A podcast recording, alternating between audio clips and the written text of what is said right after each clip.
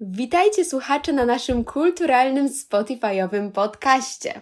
To oczywiście ekipa magazynu kulturalnego z UJFM. Przy mikrofonie Kasia Kubalska i Magda Rodzeń. Zaraz mikrofon będziemy oddawać naszym członkom działu kulturalnego, którzy mają dla Was przygotowane wiele wspaniałych kulturalnych recenzji, a to wszystko z wyjątkowej okazji.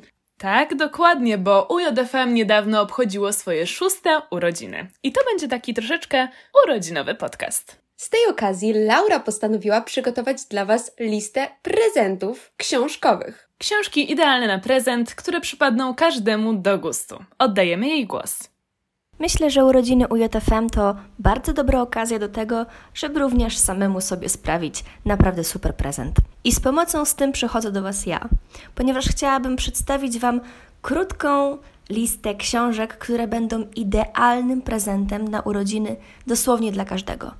Jak wiadomo, ile ludzi, tyle gustów. Dlatego dobrać idealną książkę jako prezent na urodziny nie jest to taką prostą sprawą. Wobec tego chciałabym się skupić na książkach, które są w pewien sposób uniwersalne i wiadomo, że każdy czytelnik znajdzie w nich chociaż troszeczkę czegoś dla siebie. Na pierwszy rzut idzie propozycja tylko i wyłącznie ode mnie, czyli Marsjanin Andy'ego Weira. O tej książce kilka lat temu było dosyć głośno e, i wywołała ona no, pewne kontrowersje, ale zebrała bardzo dużo pozytywnych opinii. Teoretycznie jest to historia y, zaklasyfikowana jako powieść science fiction, chociaż patrząc na to bardzo subiektywnie, tego science fiction za dużo tam nie ma, a są czyste fakty fizyczne, chemiczne i naukowe. Jest to historia pewnego astronauty, który poprzez nieudaną misję na Marsie zostaje całkowicie sam na obcej planecie i musi po prostu się uratować. Zapierająca dech w piersiach powieść, która przypadnie nawet największym marudom do gustu. Mogę również wspomnieć, że ekranizacja nakręcona właśnie na podstawie książki Marsjanin Andy'ego Weira jest również cudowna, więc jeżeli nie przepadacie za książkami, polecam Wam chociaż obejrzeć ten film. Kolejna książka to Życie Pi Jana Martela. Przyznam szczerze, jest to dosyć specyficzna pozycja, biorąc pod uwagę tematykę, w jakiej osadzona jest ta powieść. Trudno mi tutaj opowiedzieć dokładnie, o czym jest ta książka, o czym jest życie Pi, ponieważ można znaleźć tu tyle głębszych sensów i tyle morałów, które tak naprawdę w żaden sposób pozornie się ze sobą nie łączą. Jest to historia pełna przyjaźni, miłości, ale i niebezpieczeństw oraz poświęceń dla osiągnięcia własnych celów czy uratowania rodziny oraz samego siebie. Może znajdą się osoby, którym ta książka do gustu nie przypadnie, natomiast jest to pozycja, którą po prostu na półce mieć trzeba. I w końcu, wierzcie mi, przyjdzie moment, w którym będziecie chcieli sięgnąć i przeczytać życie Pi. I na sam koniec zostawiłam moim zdaniem największą perełkę wśród tych książek, książkę ponadczasową, która zawsze będzie stanowiła moim zdaniem najlepszy prezent, jaki tylko może być. A mowa tutaj o Mistrzu Małgorzacie Michała Bułhakowa. Powieść niestety niedoceniana w dzisiejszym świecie, chociaż patrząc na wielu czytelników, zyskuje ona ostatnio coraz większą popularność. Historia, która ukazuje w piękny sposób walkę dobra ze złem, a raczej współpracę dobra ze złem, to jest również temat, który da Wam bardzo dużo momentów do rozmyślań. Jeśli ktoś jest zainteresowany polityką, na pewno znajdzie tutaj bardzo dużo wątków dotyczących systemu totalitarnego i funkcjonowania Moskwy w latach 30. Historia pełna miłości, historia pełna zagadek, historia pełna akcji. Tutaj na pewno każdy znajdzie coś dla siebie. Ta krótka lista trzech książek mam nadzieję, że troszeczkę pomogła Wam w wyborze prezentu. Może dla kogoś, a może i dla samego siebie. A recenzję ostatniej wspomnianej przez Laurę książki, czyli Mistrza i Małgorzaty, przygotował dla nas Mateusz Rychlak. Krótko po tym, jak pewnego wieczoru na patriarszych prudach pojawiło się dwóch obywateli, a profesor Woland wraz ze swoją świtą prowadzili się do mieszkania, po nieboszczyku Berliozie w Moskwie zaczęły dziać się wprost niewiarygodne historie. Takim trzęsieniem ziemi rozpoczyna swoją fenomenalną powieść Michaił Bułhakow. Na czterystu stronach ukazany jest świat moskiewskiego życia sfer kulturalnych. Stowarzyszenia literatów, Komisja Nadzoru Widowisk, Administracja Teatru Varieté. Studium ludzi opętanych duchem społeczeństwa biurokratycznego. By móc w ówczesnej Moskwie powiedzieć o sobie literat czy poeta, należało okazać legitymację przynależności do Moskiewskiego Stowarzyszenia Literatów. Na to tło rzucono trzy historie, które tak naprawdę okazują się być jedną.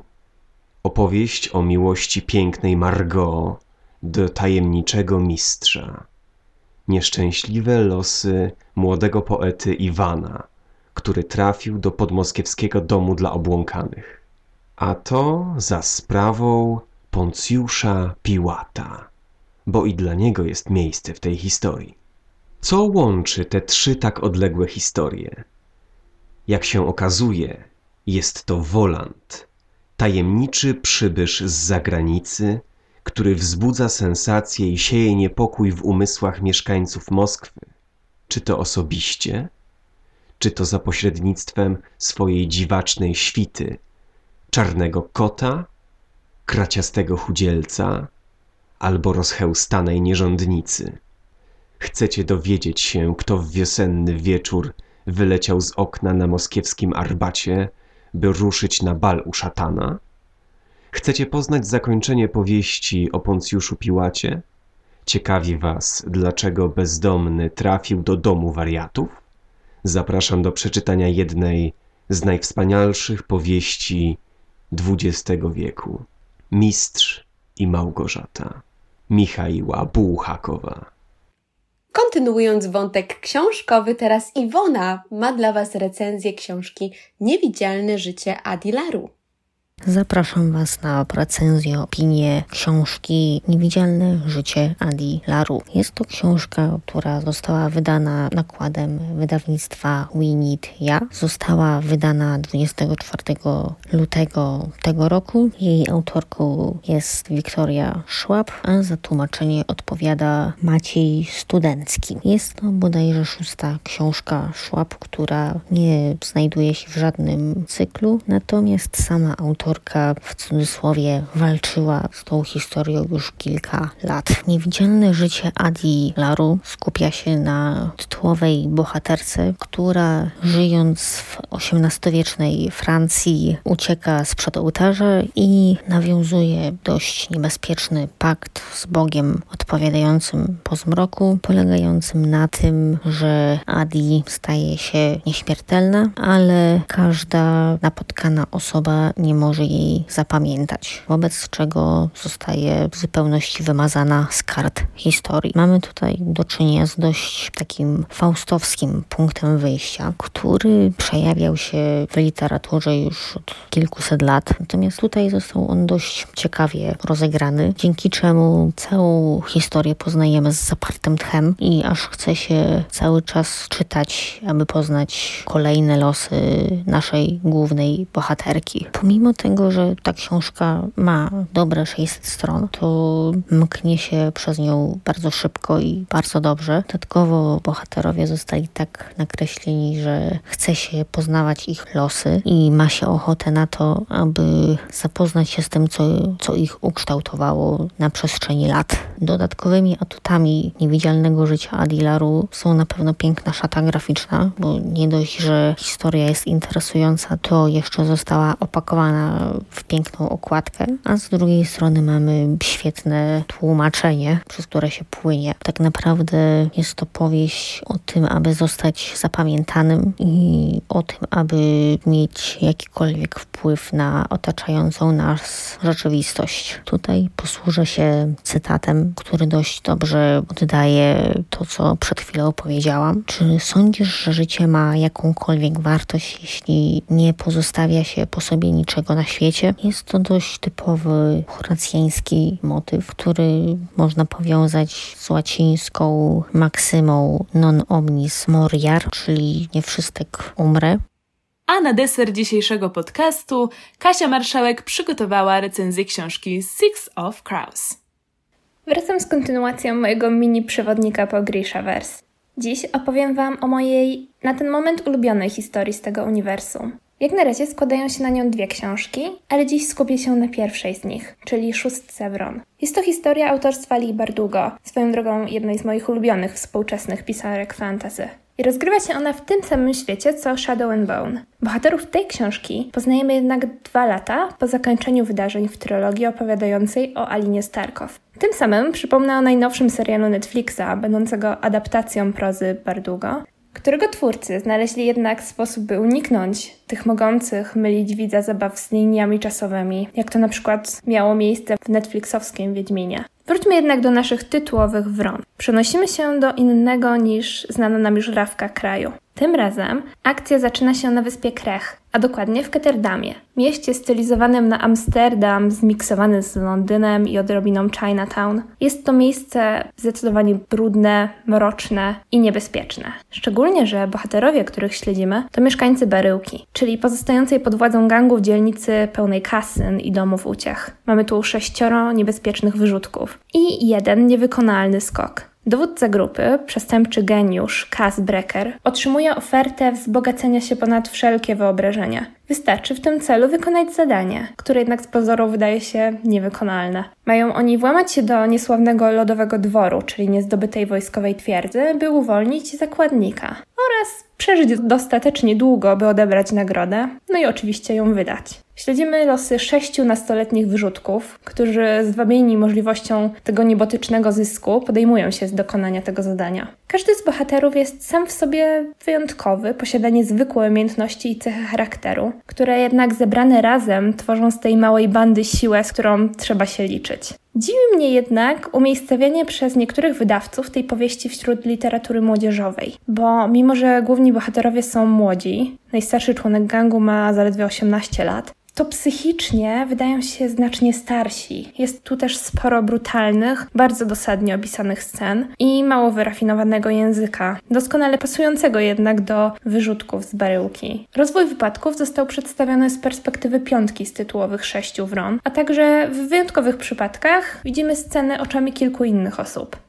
Autorka wykazała się jednak sporym wyczuciem i nie sięga po narrację pierwszoosobową. Nie znajdziemy tu też taniego romansu, którego moglibyśmy się spodziewać po literaturze young adult. Verdugo z zacięciem godnym George'a R. R. Martina nie oszczędza swoich bohaterów. Co krok natykają się na jakieś okropne przeszkody i dzięki temu historia staje się dużo bardziej realna i jak już wspomniałam, brutalna.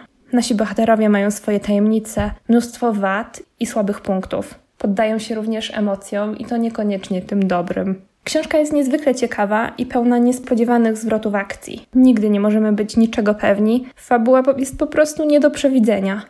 Brecker to prawdziwy geniusz i za każdym razem, gdy myślałam, że już przejrzałam jego plan, on zupełnie mnie zaskakiwał i kompletnie zbijał z tropu. Muszę również wspomnieć o wydaniu, ponieważ uważam, że jest absolutnie wspaniałe. Piękna okładka nawiązująca do powieści i sprejowane na czarno strony oddają mroczny klimat tej historii. Szóstka Wron to nie tylko fascynująca historia o pogoni za bogactwem, to również opowieść o brutalności świata, o braterstwie i o poszukiwaniu nowego celu w życiu. Obiecuję, że się nie zawiedziecie. I tak kończy się to urodzinowe wydanie naszego Spotify'owego kulturalnego podcastu. Zachęcamy Was gorąco do zerknięcia na nasze pozostałe kulturalne podcasty.